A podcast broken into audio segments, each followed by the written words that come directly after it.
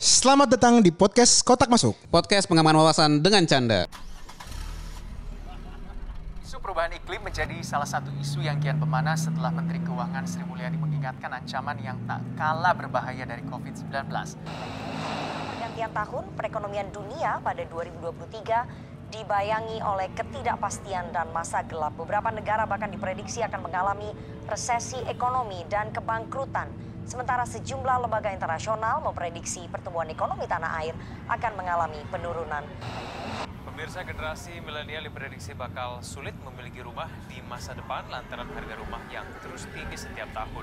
Selain itu, kekurangan pasukan perumahan di Indonesia yang mencapai 400 ribu unit setiap tahun juga menjadi kendala.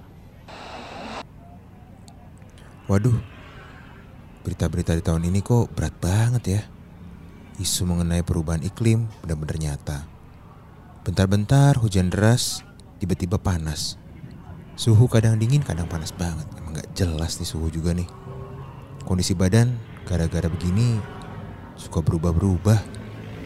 Bisa sakit nih kalau kayak gini terus. Gak cuman suhu di bumi yang berubah-ubah kayak begini. Suku perekonomian di 2023 juga berubah sangat ekstrim. Di awal tahun banyak banget nih perusahaan yang PHK karyawannya. Jadi investor atau yang mau nyari investasi-investasi juga berhati-hati banget. Aduh, gimana ya? Gue lagi disuruh lagi nyari bisnis baru untuk ngembangin perusahaan yang saat ini gue pegang. Makin mumet, makin mumet nih pala gue. Gimana ya caranya ya? Masa gue lupa, gue kan punya temen CFL level 3. Siapa tahu dia punya saran nih buat permasalahan gue. Coba ah, gue telepon.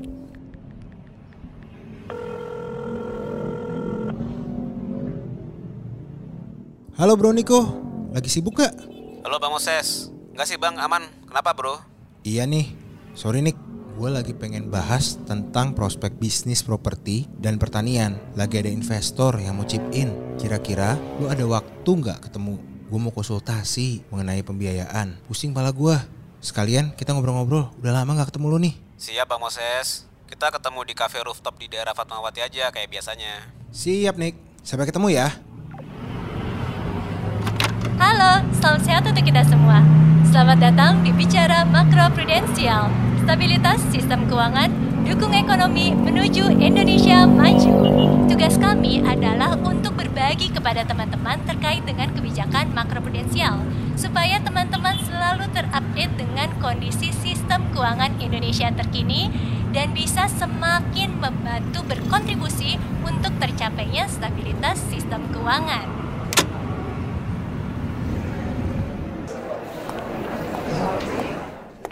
Permisi kak, ada yang bisa dibantu? Enggak mas, ini lagi nyari teman saya. Bang, Bang Moses, di sini bang. Nah, itu dia orangnya. gimana kabarnya Bang Moses? Baik Nick, lu gimana? Alhamdulillah baik. Lu pesan-pesan minum dulu lah. Aman, selalu aja. Sambil lu pesan minum, kalau gue perhatikan ya bang, belakangan ini cuaca Jakarta kayaknya parah ya bang ya. Coba lu lihat deh ke arah Jakarta Pusat. Di situ terlihat banyak gedung-gedung pencakar langit, tapi di sekelilingnya ada lapisan udara yang warnanya coklat tuh. Gua kira kabut dari gunung nih. Ternyata polusi di Jakarta ini sekarang udah parah ya. Banyak kendaraan pribadi di jalanan, tapi penghijauannya kurang. Terus zonasi di daerah Jakarta dan sekitar masih banyak pabrik. Pabrik-pabrik emisinya parah. Iya bang, ini gue melihat seminggu terakhir kualitas udara Jakarta itu kurang sehat. Dari indeks kualitas udara rata-rata itu di angka 140 dan itu warnanya orange. Malah kadang warnanya merah. Jadi Jakarta ini sebenarnya udaranya udah kurang sehat untuk beberapa kelompok yang sensitif. Dan menurut artikel yang gue baca dari iqr.com, polusi udara diperkirakan telah menyebabkan 3.200 kematian di Jakarta selama setahun dan membawa kerugian sekitar 12,6 triliun. Nah, polusi udara ini sebagian besar muncul dari bahan bakar fosil dan kerugian yang muncul ini juga datang dari penurunan produktivitas karena banyak karyawan dan penduduk yang sakit. Lalu, ada dua risiko yang muncul akibat perubahan iklim terhadap ekonomi dan stabilitas sistem keuangan. Yang pertama adalah risiko fisik. Contohnya adalah kerusakan infrastruktur dan penurunan nilai aset. Misalnya adanya pemanasan global ini membuat permukaan air laut semakin meningkat. Akibatnya rumah-rumah yang berada di pesisir pantai akan mengalami penurunan nilai jika terendam. Nah, jika rumah tersebut masih dalam masa pembayaran KPR, ada kemungkinan gagal bayar. Contoh lainnya adalah gagal panen dan kerusakan produk pertanian dan perkebunan. Hal ini bisa mengakibatkan ketidakstabilan harga dari bahan-bahan pangan. Resiko kedua adalah resiko transisi. Risiko ini muncul ketika kita tidak siap mengikuti standar ekonomi rendah karbon. Misalnya saat perusahaan-perusahaan global mensyaratkan produk-produk yang mereka impor ini bersertifikasi hijau, jika perusahaan di Indonesia belum comply, maka produk-produk ekspor kita menjadi kurang diminati. Sehingga ada risiko jika perusahaan-perusahaan di Indonesia ini masih meminjam kepada bank, mereka bisa gagal bayar ke bank. Nyeri juga ya Nick. Ya, semoga pemerintah bisa membantu menanggulangi mengenai polusi udara ini ya. Kita juga punya peran sih untuk memperbaikinya. Gua khawatir sama kesehatan keluarga, istri, dan anak-anak gua. Bener bang, ya moga-moga cepat ada solusi ya untuk polusi udara ini. PTW lu mau ngajak diskusi tentang apa nih? Jadi gini nih, gue lagi ada tawaran beberapa prospek bisnis. Ada investasi di properti, transportasi, sama pertanian.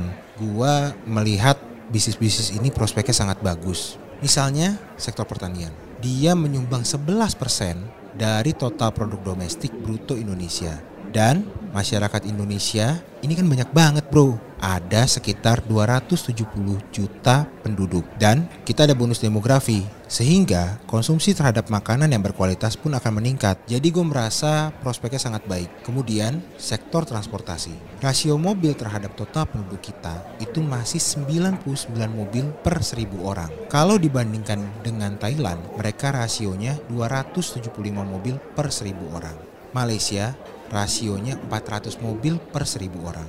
Indonesia rasionya bahkan gak ada setengah. Jadi gue melihat ada prospek yang sangat cerah. Tapi memang gue ada concern. Kalau masuk ke sektor ini, gue jadi menambah polusi udara. Yang terakhir itu sektor properti. Sektor properti menjadi andalan pemerintah untuk mendukung target tingkat pertumbuhan ekonomi di Indonesia senilai 5%. Karena selain dari sisi bisnis properti, bisnis perbankan juga bertumbuh. Jadi efeknya double. Lebih dahsyatnya, sektor ini saat pandemi COVID-19, percaya nggak percaya nih Nick, salah satu dari 10 sektor yang tidak pernah tumbuh negatif. Wah bagus nih bang prospeknya. Sikat lah. Eh, Lu butuh apa dari gua? Gue butuh opini nih Nick, investor gua butuh pendanaan tambahan dari bank. Sebenarnya mahal nggak sih minta dana dari bank? Wah kebetulan nih bang Moses. Kalau gua lihat dari sektor-sektor yang mau lu invest, ini bisa dapat kemudahan pendanaan dari perbankan. Karena Bank Indonesia melalui kebijakan makro prudensial itu mendorong pertumbuhan ekonomi hijau.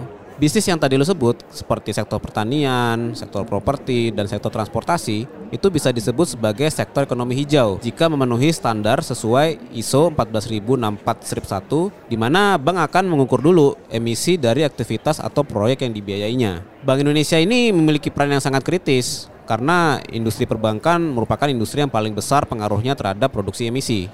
Ya alasannya ya karena semua bisnis yang menghasilkan emisi itu kebanyakan meminjam uang dari bank untuk produksi dan ekspansi. Nah, Bank Indonesia itu memberikan insentif makroprudensial dalam bentuk rasio pembiayaan inklusif makroprudensial atau RPIM untuk bank yang menyalurkan pendanaan kepada 46 sektor prioritas, inklusif dan sektor hijau. Insentif yang diberikan itu berupa pelonggaran atas kewajiban pemenuhan GWM atau giro wajib minimum bagi bank-bank yang memenuhi persyaratan pendanaan ke sektor-sektor yang sudah ditentukan.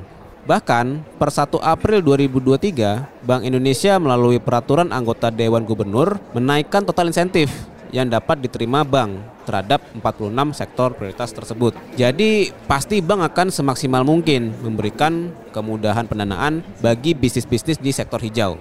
Lalu sejak 1 Maret 2021, Bank Indonesia sudah memberikan pelonggaran kebijakan loan to value atau porsi hutang terhadap nilai aset hingga 100% untuk kredit atau pembiayaan atas properti dan kendaraan yang berwawasan lingkungan. Artinya nih Bang, kalau Bang Moses mau mengembangkan bisnis properti atau kendaraan bermotor yang mendukung pelestarian lingkungan, ini bisa dapat keringanan DP sampai 0%. Wah, jadi bisa dapat keringanan dari perbankan ya Nick kalau gitu. Tapi sebenarnya kenapa sih Bank Indonesia sebegitu pedulinya dengan ekonomi hijau Nick?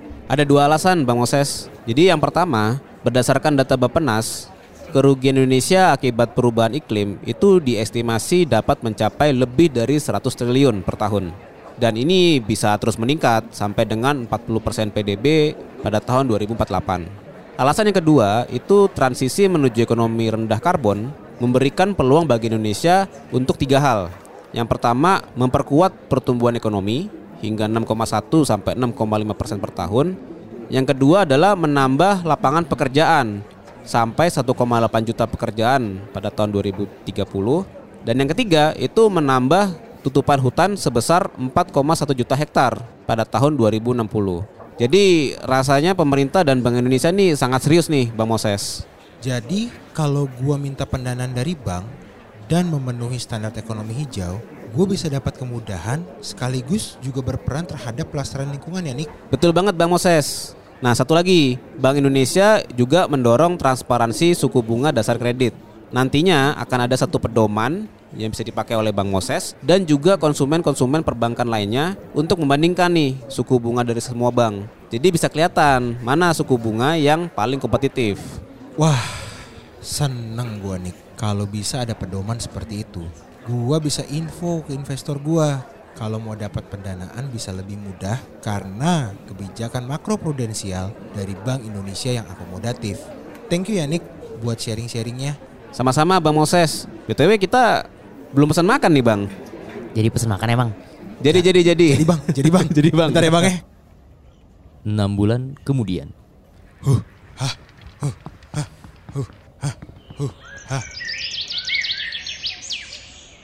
Kayaknya kawan awa ini. Coba ah, gua sapa. Hai Niko, apa kabar lo? Eh Bang Moses, lagi lari juga Bang. Udah berapa kilometer? Gue udah 10 kilometer nih. Wah, gua baru mau mulai nih Nick. Niatnya sih mau 10 km juga. Eh Nick, ngobrol bentar yuk. Gue mau update nih atas saran lo ke gua 6 bulan lalu di Fatmawati. Boleh boleh Bang. Kita ngobrol di kafe depan aja yuk.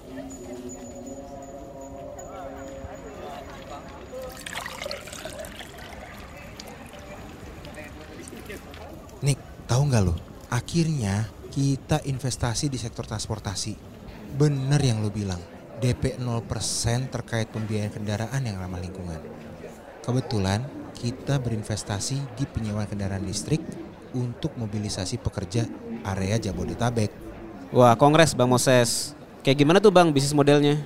Kita membuat shuttle car yang bertenaga listrik yang efektif dari segi biaya dan waktu. Dari segi biaya, beban fix asetnya bisa lebih efektif karena DP 0%. Sehingga biaya shuttle car-nya lebih murah. Dan secara ekspansi armada, kita bisa menambah beberapa unit di area pemukiman Jabodetabek. Yang kedua, dari segi waktu, kita bisa memberikan ketepatan waktu sampai di kantor. Karena nggak perlu antri isi bensin lagi, serta nggak kena aturan ganjil genap. Lumayan kan Nick, sampai kantor nggak usah ribet dan mahal. Wah berarti impactnya besar juga ya Bang dari sisi transportasi. Gak cuman investasi di sisi transportasi Nick, gue juga mulai nih dari sisi properti. Wah kayak gimana tuh Bang kalau dari properti? Gua nyicil KPR. Bener yang lu bilang.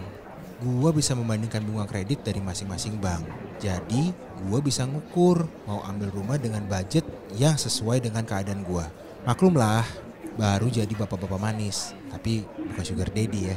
Manisnya itu mapan dan necis. Biasalah, gua. Ah bisa aja lu Bang Moses. Nah, lu ada saran apa lagi nih buat bisnis atau properti gua? Rasanya udah oke banget nih Bang progresnya. Nah, Bang Moses sudah merasakan manfaat dari kebijakan makroprudensial akomodatif dari Bank Indonesia. Kita perlu sharing lebih banyak nih Bang kepada teman-teman kita yang lagi berbisnis tentang kebijakan-kebijakan ini. Nah, teman-teman kita bisa akses halaman website Bank Indonesia di bi.go.id, kemudian membuka menu fungsi utama dan memilih stabilitas sistem keuangan. Di situ terdapat penjelasan lengkap mengenai kebijakan makroprudensial dari Bank Indonesia dan termasuk detail peraturan-peraturannya. Selain itu, teman-teman kita juga bisa membuka YouTube channel Bicara Makroprudensial untuk mendapatkan pengetahuan kebijakan dalam bentuk video.